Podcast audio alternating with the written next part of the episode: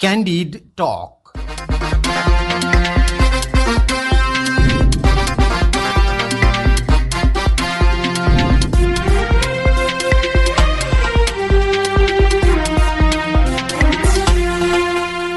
नमस्कार क्यान्डिड टकमा तपाईँलाई स्वागत छ। म प्रस्तुता कमल राणा। रेडियो क्यान्डिडको प्रस्तुति कार्यक्रम क्यान्डिड टक तपाईँले शनिबार बाहेक हरेक दिन बिहान साढे छ बजेबाट सात बजेसम्म आधा घण्टा सुन्दै आइरहनु भएको छ। समसामयिक विषयमा कुराकानी हुने यो कार्यक्रम तपाईँले काठमाडौँ उपत्यका र आसपासका जिल्लामा बयानब्बे दशमलव सात मेगाहर्जमा रेडियो क्यान्डिडको आधिकारिक फेसबुक पेजमा हाम्रो पात्रोमा रेडियो क्यान्डिडको एप्स डाउनलोड गरेर र पोडकास्टमा समेत सुन्न सक्नुहुन्छ। कार्यपालिकामा भाग खोजेको लगायतका विषयले विवादमा तानिनु भएका प्रधान न्यायाधीश चोलेन्द्र शमशेर जबरामाथि राजीनामा दिन चौतर्फी दबाव बढेपछि सङ्कटमा पर्नु भएको छ। सर्वोच्च अदालतका न्यायाधीशहरूसँगै नेपाल बार सर्वोच्च बार तथा नेपाल बारका सल्लाहकार समितिका सदस्यहरूले समेत प्रधान न्यायाधीश जबरालाई राजीनामा दिन सुझाव दिएपछि उहाँमाथि थप दबाव बढेको हो। हिजो बिहान सर्वोच्चका पन्ध्रजना न्यायाधीशहरूले प्रधान न्यायाधीश जबरालाई भेटेर राजीनामा दिन सुझाव दिएका थिए। न्यायाधीशहरूसँगको सामूहिक भेटमा प्रधान न्यायाधीश जबराले कसैले राजीनामा माग्दैमा नदिने बताएपछि फेरि आन्तरिक छलफल गरेका न्यायाधीशहरूले राणाले राजीनामा दिनै पर्ने अडान राखेका हुन्। वरिष्ठतम न्यायाधीश दीपक कार्की सहित भएको पन्ध्र न्यायाधीशको छलफलमा अब कसरी अघि बढ्ने भन्ने रणनीति बनाउन आज फेरि बिहान साढे एघार बजे बैठक बस्ने तय भएको छ। सर्वोच्च अदालतमै एक्लिनु भएका राणाले भने वर्तमान सत्तारूढ गठबन्धनले महाअभियोग या अन्य कदम नचाल्ने वचन दिएकाले राजीनामा नगर्ने अडान राख्दै आउनु भएको छ। यस्तै नेपाल बार एसोसिएसन सल्लाहकार समितिले प्रधान न्यायाधीशले राजीनामा नदिए आन्दोलनमा उत्रिने चेतावनी दिएको छ। चौतर्फी दबाव र न्यायाधीशहरूले इजलास बहिष्कार गर्दा पनि प्रधान न्यायाधीशले राजीनामा नदिने अडानमा पुगेपछि सर्वोच्च अदालतमा सङ्कट देखिएको छ। स्वचालित पेशी प्रणाली लागू गर्न अनिच्छा जनाएका जबरामाथि कैयौं भ्रष्टाचार काण्डमा भएका फैसला पूर्व डिआइजी रञ्जन कोइरालाको मुद्दा तथा न्यायपालिकाको सुधारमा नलागेर सत्ता चलाउन भागबण्डा खोजेको आरोप लागेपछि न्यायिक वृत्तबाटै उहाँको राजीनामा मागिएको हो। प्रधान न्यायाधीशले राजीनामा दिनु भएमा न्यायालयमा सुधार आउला कि सङ्कट पैदा गर्ला? आज कार्यक्रम क्यान्डी टकमा यिनै विषयमा केन्द्रित रहेर हामी संविधानविद डाक्टर भीमार्जुन आचार्यसँग कुराकानी गर्दैछौ। यहाँलाई कार्यक्रममा स्वागत छ। धन्यवाद। अब प्रधान न्यायाधीश जबराले न्यायालयको सुधारमा ध्यान नदिएको कार्यपालिकामा भाग खोजेको लगायतका आरोप लगाएर राजीनामा दिन चौतर्फी दबाव बढेको छ। यस घटनाक्रमले न्यायालयमाथि सङ्कट उत्पन्न गर्ला कि सुधारतर्फ अघि बढाउला? होइन मलाई लाग्छ अब प्रत्येक समस्या एउटा सुधारको अवसर पनि हो। न्यायालय विगतमा यस्तो थिएन। विगतमा एकदमै गर्व गर्न लागेको नेपालको न्यायिक इतिहास हामीका छ। जति बेला कानुन संविधानले न्यायालयलाई स्वतन्त्र बनाएको थिएन तर व्यवहारमा न्यायालय स्वतन्त्र देखिन्थ्यो। अब अहिले कानुन संविधानले न्यायालयलाई स्वतन्त्र बनाएको छ तर व्यवहारमा चाहिँ ठिक उल्टो भइरहेको छ। यो दुर्भाग्यपूर्ण कुरा हो। जहाँसम्म अहिलेको प्रधान न्यायाधीशको प्रसङ्ग छ अब उहाँलाई जुन खालका अहिले प्रश्नहरू उठे त्यो प्रश्न सुरुदेखि उठ्या होइन उहाँलाई एउटा काम गर्नको लागि पर्याप्त समय दिइयो तिन वर्ष प्लस उहाँले काम गरिसक्नु भएको छ। त्यति लामो समयसम्म नेतृत्व लिएर बस्दाखेरि पनि भने जति अनुरोधको उहाँले काम गर्न सक्नु भएन। थुप्रै प्रतिबद्धता उहाँहरूले जाहेर गर्नुभयो त्यसको कमिटमेन्ट बमोजिमको काम उहाँले गर्न सक्नु भएन। यो सबै कन्टेक्समा एउटा अति धेरै मन लाग्छ यो अहिले उहाँले मार्ग प्रशस्त गर्ने राजीनामा दिने भन्ने कुराहरू आएको केवल राजीनामाको विषय मन्त्रीमण्डलको विस्तारमा एकजना मन्त्री उहाँको नाम जोडेर नियुक्ति भएको भन्ने मात्रै होइन। अब तमाम न्यायालयमा देखेका व्यतिथि विसङ्गति अनियमितता भ्रष्टाचारको कुराहरू छन् जसमा उहाँले भाग दिनुभयो। उहाँले त्यसलाई नियन्त्रण गर्न सक्नुहुन्थ्यो गर्नु भएन भन्ने कुरा भएको कारणले गर्दाखेरि मलाई लाग्छ अब यसले केही समेत एक खालको टक्राउ एक खालको समस्या यसले सिर्जना गर्ने नै भयो। र अन्ततगत यसले सुधारको लागि नै केही सहयोग पुर्याउला भन्ने लाग्छ मलाई। तर अहिलेको अवस्थालाई हेर्दा राजीनामा मात्रै एक मात्र विकल्प हुन सक्छ? यो अति भयो अति भएर यो कुरा भने हुनाले अब त उहाँ रहेर न्यायालयले केही पाउने भन्ने अवस्था देखिएन। त्यो हिजो अस्ति दुई दिन पहिलेसम्म त्यो सम्भावना थियो होला। उहाँले कुनै पनि सुधारलाई को कामलाई अगाडि बढाएको भए उहाँले गरेको प्रतिबद्धता कमिटमेन्ट बमोजिम काम गरेको भए तपाईँ हामी सबैलाई उहाँले गर्दै हुनुहुन्छ नि। किन उहाँलाई पूर्वाग्रह भएर राजीनामा माग्ने भन्न सकिन्थ्यो होला? केही पनि नगर्ने अनि गुटबन्दीलाई प्रशय दिने अब हेर्नु डरलाग्दो ढङ्गले अब त्यो खालको गुटबन्दी न्यायालयमा देखियो। उहाँले तोकेको इजलासमा अरू न्यायाधीशहरू बस्न नसक्ने अवस्थामा गइसक्यो भनेपछि त अरू विकल्प त अब के बाँकी रहेर मलाई चाहिँ अरू विकल्प त्यति भए जस्तो लाग्दैन अहिले चाहिँ। प्रधान न्यायाधीशले पदबाट हट्दैमा न्यायालयमा व्याप्त कमी कमजोरी तथा समस्या समाधान हुने त्यस्तो केही ग्यारेन्टी गर्न सक्ने अवस्था छ? छैन त्यो बिल्कुल आजको आजै त्यो ग्यारेन्टी गर्न सक्ने अवस्था छैन तर एउटा कुरा के ग्यारेन्टी गर्न सकिन्छ भने उहाँ अब पदमा रहनु भएन उहाँले मार्ग प्रशस्त गर्नु भएन भने जुन रफ्तारमा न्यायालयले अहिले क्षति गरेको छ प्रत्येक सेकेन्ड प्रत्येक मिनट प्रत्येक घन्टा प्रत्येक दिन त्यो क्षति चाहिँ बन्द हुन्छ। र एक खालको यथास्थितिमा न्यायालय पुग्छ केही दिनको लागि त्यसपछि सुधार हुने नहुने भन्ने कुरा पछि कुरा हो। अरूले गरेन भने त्यति बेला फेरि आलोचना गर्न सकिन्छ। त्यसैले त्यो सबै कुराको ग्यारेन्टी अहिले गर्न नसके पनि जुन ढङ्गको डरलाग्दो क्षति आज न्यायालयले हरेक सेकेन्ड मिनट घन्टा आज बिहोरेको छ। कम्तीमा त्यो चिज चाहिँ कन्ट्रोल हुन्छ। न्यायालयको अस्तित्व सिद्ध्याएको भनेर प्रधान न्यायाधीशलाई मात्रै आरोप लगाइरहँदाखेरि उहाँलाई यो प्रकरणमा मोचिरहँदाखेरि न्यायाधीशहरू पनि त यसका भागीदार रहेका थिए भन्ने आरोप डेफिनेटली यसमा मन लाग्छ कसले कसले कति जिम्मेवार लिने भन्ने कुरा त्यो साँचो हो तपाईँले सोध्नु भएको अरूले पनि जिम्मेवार लिनु पर्दैन भन्ने कुरा होइन। तर तपाईँले नेपालको न्यायिक परम्परा न्याय व्यवस्था कसरी सञ्चालन हुन्छ भन्ने कुरा यहाँले हेर्नु भने त्यो न्यायिक नेतृत्वको नै सयमा सय उसको हात हुन्छ।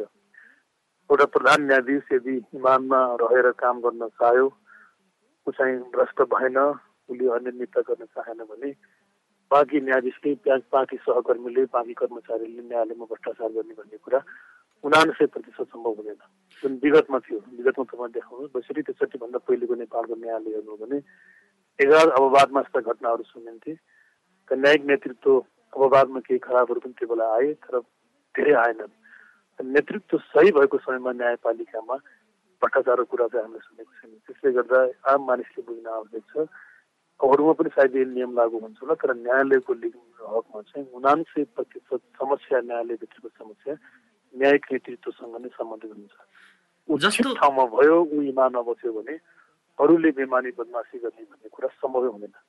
जस्तो न्यायाधीशहरूसँगको संयुक्त भेटमा पनि प्रधान न्यायाधीशले मैले मात्रै किन राजीनामा दिने? दिने भए गल्ती गरेर जो जो यो प्रकरणमा मुछिएका छौँ। सबैले राजीनामा दिउँ म एक्लैले दिन्न भन्ने खालको अडान पनि लिनुभयो तर संवैधानिक इजलासमा रहेका न्यायाधीशहरूलाई पनि उहाँले चाहिँ राजीनामा दिनुपर्छ भन्ने संवैधानिक इजलासको त्यसको फैसलाको बारेमा त कसैले आफूले जनाएकै छैन। त्यो त खालि प्रत्यक्ष रूपमा हिजोको सरकारको मान्छेले मात्रै कुरा उठाएको भन्ने संवैधानिक इजलासको कहाँ समस्या छ भन्नु न संवैधानिक इजलासले गरेको विघटन सम्बन्धी फैसलामा त उहाँको राय होइन नि त्यो त अरूको राय हो नि। उहाँले भिन्न मत राखेको भए पनि अरूको राय प्रिभेल गरिदियो। चारजनाको राय नै निर्णय अन्तिम निर्णय मानिन्छ एकजनाको फरक भए पनि। त्यसैले संवैधानिक इजलासको अहिले समस्या कसैले उठाएको होइन। त्यो फैसला त्रुटि भयो भन्ने कसैले उठाएको हो त्यसमा हार्ने पक्षले मात्रै उठाएको हार्ने पछि कुराको मतलब हुँदैन नि त्यस कारणले गर्दा यो अहिलेको प्रकरणमा अरू न्यायाधीशहरूले गल्ती गरे भन्ने कुरै होइन। नितान्त नेतृत्वले कुनै पनि काम सही काम गर्न सकेन ऊ पटक पटक सुक्यो उसले आफ्नो प्रतिबद्धता बमोजिम काम गरेन भने। उहाँले धेरै पटक कमिटमेन्ट दिनुभएको छ नि त पब्लिकले। म यति गतिबाट यो महिनाबाट यो सुधार गर्छु भन्ने उहाँले गर्नु भएन नगरिसकेपछि मान्छेले प्रश्न गर्नु भएन त्यसले मलाई लाग्छ अत्यन्त असान्दर्भिक कुरा हो। यो संवैधानिक इजलासको यो विगत सम्बन्धी मुद्दाको फैसलाको यो प्रसङ्गै होइन यो। उहाँले आएर त्यो फैसलामा मन्त्री पद सट्टापट्टा हुने कुरा होइन इजलासमा प्रत्येक न्यायाधीश स्वतन्त्र हुन्छ। राय लेख्ने उहाँ पनि होइन अरूले फैसला लेखे हो अरूले लेखेको फैसलामा उहाँले सहमति जनाउनु भएको त्यसले गर्दा यहाँ चाहिँ मिल्दैन जस्तो लाग्छ भागबण्डाको राजनीतिमा संलग्न भएकै हो भन्ने निचोडमा पुगेर न्यायाधीशहरू नेपाल बार सर्वोच्च बारले राजीनामा दिनुपर्ने सुझाव पनि दिएका छन्। यो प्रधान न्यायाधीशलाई एक्ल्याउने र न्यायालयको हुर्मत लिने काम भयो भनेर टिप्पणी पनि भइरहेको छ नि। एउटा बुझ्नु पर्यो भने त्यो एउटा कारणले यो कुरा उठेकै होइन भने। राजनीति भागभन्दा त अहिले एउटा एउटा सानो विषय मात्रै हो। त्योभन्दा त कति भयावह विषयहरू न्यायालयमा दुई तिन वर्षदेखि हामीले त्यहाँ भोग्दै आएको छौँ। त्यो सबै समग्रतामा हेर्नुभयो सबै चिजहरू चुलिएपछि मात्रै यी प्रश्नहरू उठेको हो। केवल उहाँले उहाँसँग जोडिएको एकजना व्यक्तिको क्याबिनेटमा नियुक्तिको प्रसङ्गले मात्रै सब कुराहरू आएको होइन। त्यो पनि आपत्तिजनक छ यदि हो भने। उहाँले त्यसलाई होइन भन्नुभएको छ। तर यहाँ अरू अनेकौँ विषयहरू छन्। त्यसैले मलाई लाग्छ यो न्यायालयको हुर्मतको कुरो होइन। न्यायालयलाई तमासाको तमासाको विषय बनाइयो। प्रत्येक सोचिरहनु भएको छ। करोडौँ अरबौँ भ्रष्टाचार हुने भनेर स्वयं न्यायालयले नै सार्वजनिक गरेको प्रतिवेदनमा उल्लेख भएको छ। अनि यो चिज चाहिँ अब तपाईँले मैले गरेर भएको त होइन नि थियो त। न्यायाधीशहरूले नै संलग्न भए भन्ने कुराहरू आयो। त्यो हो भने त्यो कारवाही गर्ने निकाय त्यसलाई नियमन गर्ने निकाय भनेको न्याय परिषद हुन्छ। त्यसको अध्यक्ष प्रधान न्यायाधीश हुन्छ। त्यसले गर्दा मलाई लाग्छ यो कतिपय मान्छेले भने जस्तो एउटा मन्त्रीसँग जोडेर मात्रै यो कुराहरू आएको यो होइन। यसमा धेरै विषयहरू छन् ती धेरै विषयलाई समष्टिमा यसपटक उठान गरिआयो जस्तो लाग्छ मलाई। संसद पुनस्थापनाको मुद्दादेखि अहिलेसम्म जे जति राजनीतिक विषयलाई लिएर सर्वोच्चमा परेका मुद्दाहरू थिए ती मुद्दाहरूको जति पनि फैसला भए त्यस क्रममा केही न केही स्वार्थ केन्द्रित फैसला भए भन्ने अहिलेको राजीनामाका लागि जुन बढ्दो दबाब छ यसले केही पुष्टि गर्छ? त्यो त भयो नि अहिले मात्र होइन भने त्यो त मलाई जति बेलादेखि एउटा घटनाक्रम यहाँले हेर्नु भने पहिलो त अब खिलाज रेग्मीलाई मन्त्री परिषदको अध्यक्ष बनाएदेखि नै नेपालको न्यायपालिकाको हुर्मत लिने काम गरियो एउटा घटना थियो। अनि पछिका नेतृत्वहरूले पनि विचलनकै कामहरू गरे भन्ने कुराहरू आयो बाहिर।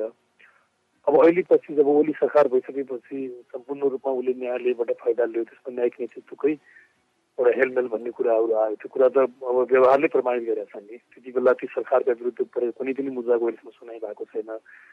अनि त्यो सरकार हट्यो अब नयाँ सरकार आयो त्यो भएको। उनमा भने त्यही नीति अगाडि बढ्यो भन्ने कुराहरू आयो। अब यी सबै घटनाक्रमले प्रमाणित गरेका कारणले गर्दा विघटन पछिको मात्रै होइन त्यो विघटन पहिलेदेखि नै सरकारसँग सत्तासँग चाहिँ स्वार्थहरूलाई सत्तापट्टा गरेको भन्ने कुराहरू घटनाक्रमले देखा हुनाले सबै कुराहरूमा अब सरकारवाला व्यक्तिहरू कानुन न्याय समुदाय आम नागरिक मौन बस्ने भन्ने कुरा हुनाले न्यायालय भने त कुनै व्यक्तिको निजी होइन।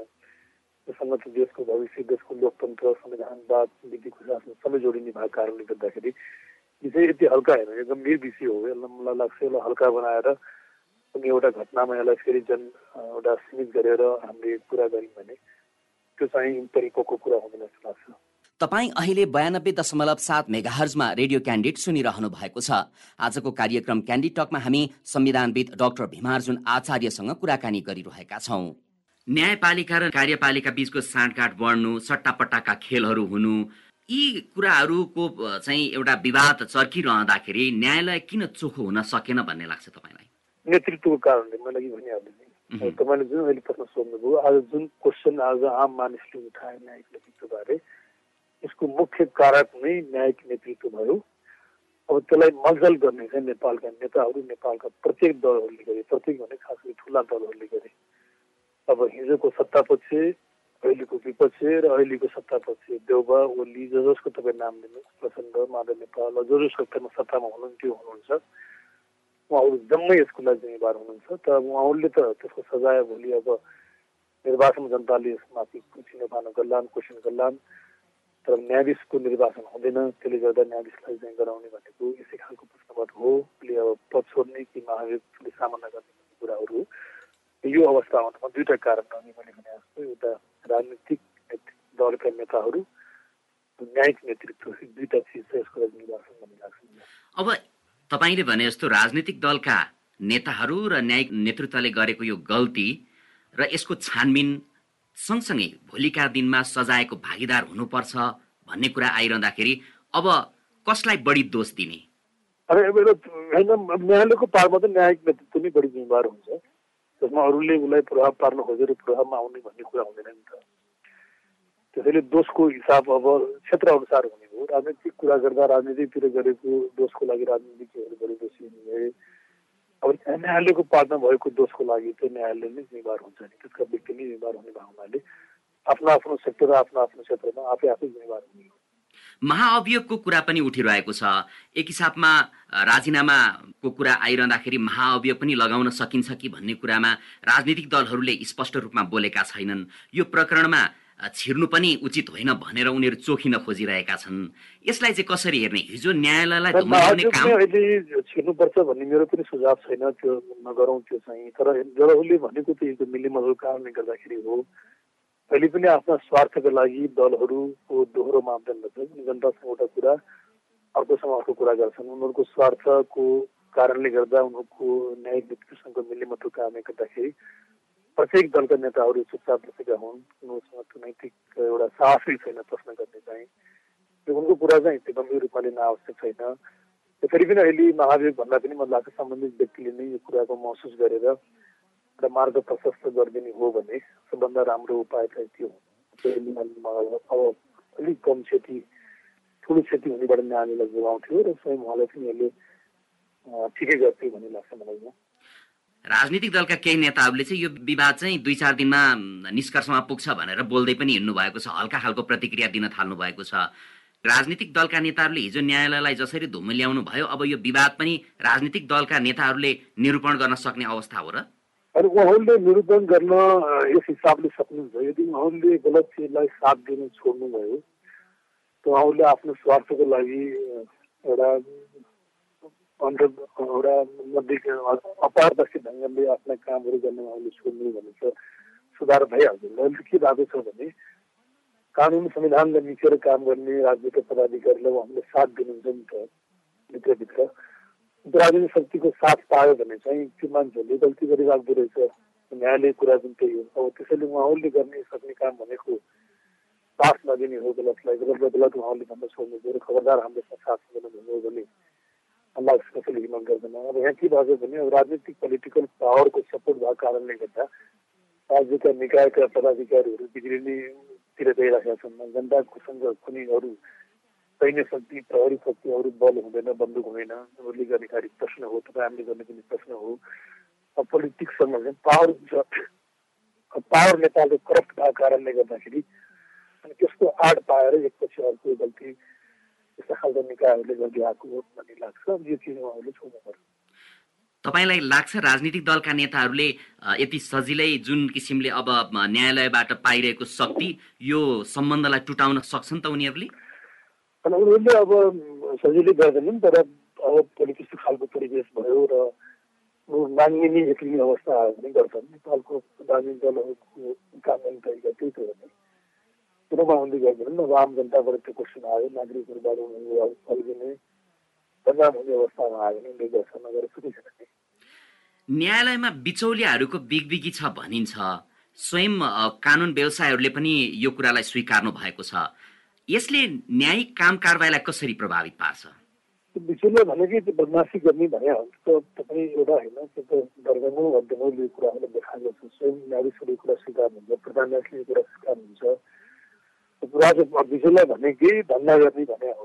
अब तपाईँको इमेजिन गर्नु न्यायालयमा करप्सन हुन्छ भन्ने कुरा त स्वास्थ्य दिमागको मान्छेले परिकल्पना पनि नगर्ने विषय हुन्छ तर छ भन्दा प्रतिवेदन हुन देखाइरहेको उहाँले त्यसलाई स्वीकार्नु भएको छ। सबै त्यस्तो बर्बादी उनीहरूले गरेको छन्। तर त्यो उनीहरूलाई मात्रै भन्ने कुरा भएन। न्यायालयले न्यायालयमा बसेको पदाधिकारीले त्यो साथ दिएरै दिएकै कारणले बिचौलियाहरूले काम गर्ने हो। न्यायाधीशले, प्रधान न्यायाधीशले बिचौलियाहरूलाई पहुँच दिएन। त्यसको उच्चारण पनि गर्न उसले चाहेन भएर उसले काम गर्न खोज्यो भने त कुनै तेस्रो व्यक्तिले कुनै विषयले न्यायालय न्यायाधीशलाई प्रभाव पार्ने भन्ने कुरो हुँदैन नि। प्रभाव पार्नु तपाईँ हामीले पनि पार्दैन प्रभाव पार्नको लागि व्यक्ति प्रभावित हुन तयार हुनु पर्यो। कुनै व्यक्ति प्रभावित हुन तयार भयो भने त्यस्तो अवस्थामा अर्को पक्षले प्रभावित पार्ने प्रभाव पार्ने हो। तर हामी कहाँ के भइदियो भने कि न्यायाधीशहरू स्वयं नै प्रभावित हुन तयार भए प्रभावित हुन तयार भए अध्ययन देखाएको कुरा हो यो मैले कुनै आफ्नो एउटा आत्मरतिको लागि मैले कुरा बोलेको छैन कि अस्ति मात्रै सार्वजनिक भएको सर्वोच्च अदालतको प्रतिवेदनमै यो कुराहरू स्पष्ट हुँदै गएको त्यसैले विचुलाहरू भएर खराब हुन् ठुलो राष्ट्रको न्यायालयको दुश्मन हुन् तर त्यो चिज तिनीहरू अस्तित्वमा रहनुको पछाडिको कारण भनेको न्यायालय वा न्यायिक पदाधिकारीहरूलाई उनीहरूलाई पहुँच दिएर हो उनीहरूसँग उनीहरूले बोले गरेर हो त्यो चिजमा उनीहरूले पहुँच दिएनन् त्यसलाई निषेध गर्ने भनेर अब सर्वोच्चकै प्रतिवेदनले न्यायालयमा भ्रष्टाचार हुन्छ बिचौलियाको बिगबिगी छ भनिरहेको छ। त्यसो हो भने अब न्यायालयको शुद्धिकरण कहाँबाट सुरु गर्नुपर्छ भन्ने लाग्छ तपाईँलाई? प्रश्न यही हो नि भने यो के प्रतिवेदन आएको अहिले धेरै समय भइसक्यो यो आइसकेपछि प्रधान न्यायाधीशले लागू गर्छु भन्नु उहाँले लागू गर्नु भएन। हो त्यही भएर राजीनामा मागे हो कि? शुद्धिकरण त्यहीबाट हुनु पऱ्यो। राज्य अब उहाँको राजीनामाबाट शुद्धिकरण सुरु हुनुपर्छ भने योसम्म उहाँले यहाँ कार्यान्वयन गरिदिएको भए यसलाई सम्बोधन गरिदिएको शुद्धिकरण त्यहाँबाट सुरु हुन्थ्यो उहाँलाई हक भन्नु कसैले भनेकै थिएन हामीले पनि भनेको थिएनौँ भन्नु पनि काम पनि थिएन उहाँले गर्नु भएन हरेक पटक टाल्दै झुट बोल्दै आउनुभयो त्यसैले अब शुद्धिकरणको स्टार्टिङ पोइन्ट भनेकै उहाँले पद छोडिसकेपछि एउटा शुद्धिकरण चाहिँ प्रारम्भ हुन्छ यदि उहाँले पद छाड्नु भएन तर म शुद्धिकरणतर्फ लाग्छु सुधारतर्फ लाग्छु भन्नुभयो भने त्यो विकल्प हुन्छ कि हुँदैन? त्यो हुँदैन त्यो अलमलाउने कुरा हो। यस्तो कुरा चाहिँ उहाँले धेरै पहिलेदेखि गर्छ तपाईँ कतै गर्दै आउनु भएको छ अबको विश्वास गर्न सकिने ठाउँ छैन अब। तर पनि उहाँलाई त सत्तारूढ दलको साथ छ नि त। सत्तारूढ होइन उहाँलाई बढी विपक्षीको साथ छ अहिले सत्तारूढभन्दा प्रमुख विपक्षी दलको उहाँलाई बढी साथ छ। सत्तारूढको पनि होला। दुइटैको साथ पारे मलाई लाग्छ उहाँले त्यो कुराहरू बोल्नुभएको हुनसक्छ। अब यदि राजनीतिक दलहरू उहाँको बचाउमा लागे भने के हुन्छ यसको परिणाम? दलहरू पनि मानिन्छ परिणाम के हुने भने सबैले त्यसको त्यो बिहोर्नुपर्छ भने गलत काम गर्ने वो पनि दण्डित हुन्छ केही समय उसले ढाकछोप गर्न सक्छ सबैको लागि ढाकछोप गर्ने कति बेला जनतालाई बेबोको बनाउने भन्ने कुरा जसले जे कर्म गर्यो त्यो भोग्छ उसले न्यायालयको सुधारका लागि प्रधान न्यायाधीशले तपाईँले भन्नुभयो राजीनामा दिनुपर्छ र त्यहीँबाट शुद्धिकरण सुरु हुनुपर्छ।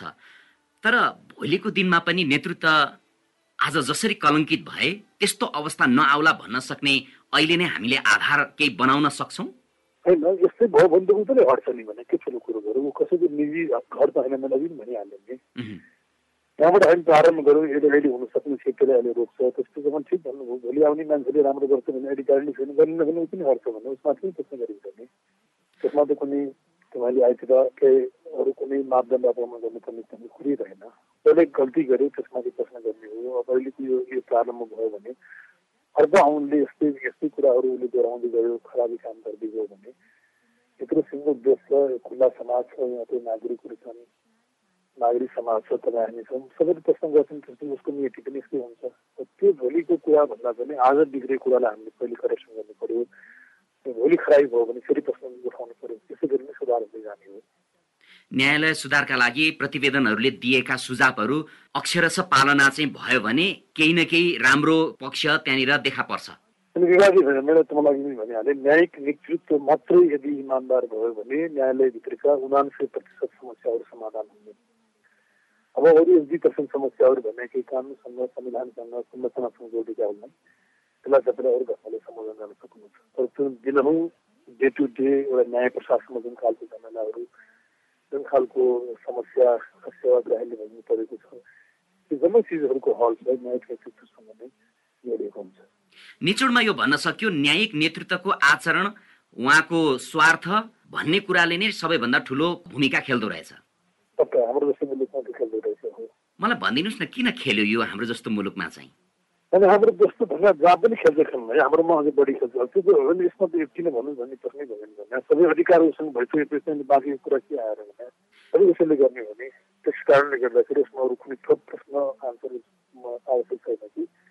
न्यायिक नेतृत्वसँग नै सर्वे सर्वा हुने भएको कारणले गर्दा उसमा सबै अधिकार हुने भएकाले उसले राम्रो गर्न चाहे राम्रो हुन्छ खराबी गर्न चाहे खराबी हुन्छ। हवस् त।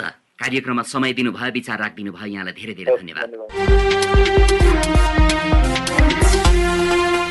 आजको कार्यक्रममा संविधानविद डाक्टर भीमार्जुन आचार्यसँग कुराकानी गर्यौं हवस् त क्यान्डी टकको यो अङ्क आजलाई यति नै। भोलि फेरि साढे छ बजे फरक विषयमा कुराकानी गर्ने नै छौं। प्रविधि संयोजनका लागि सशिन्द्र गौतम र किशोर श्रेष्ठलाई धन्यवाद। कार्यक्रमबाट म प्रस्तुता कमल राणा भने विदा माग्छु। रेडियो क्यान्डिड सुन्दै गर्नुहोला। नमस्कार।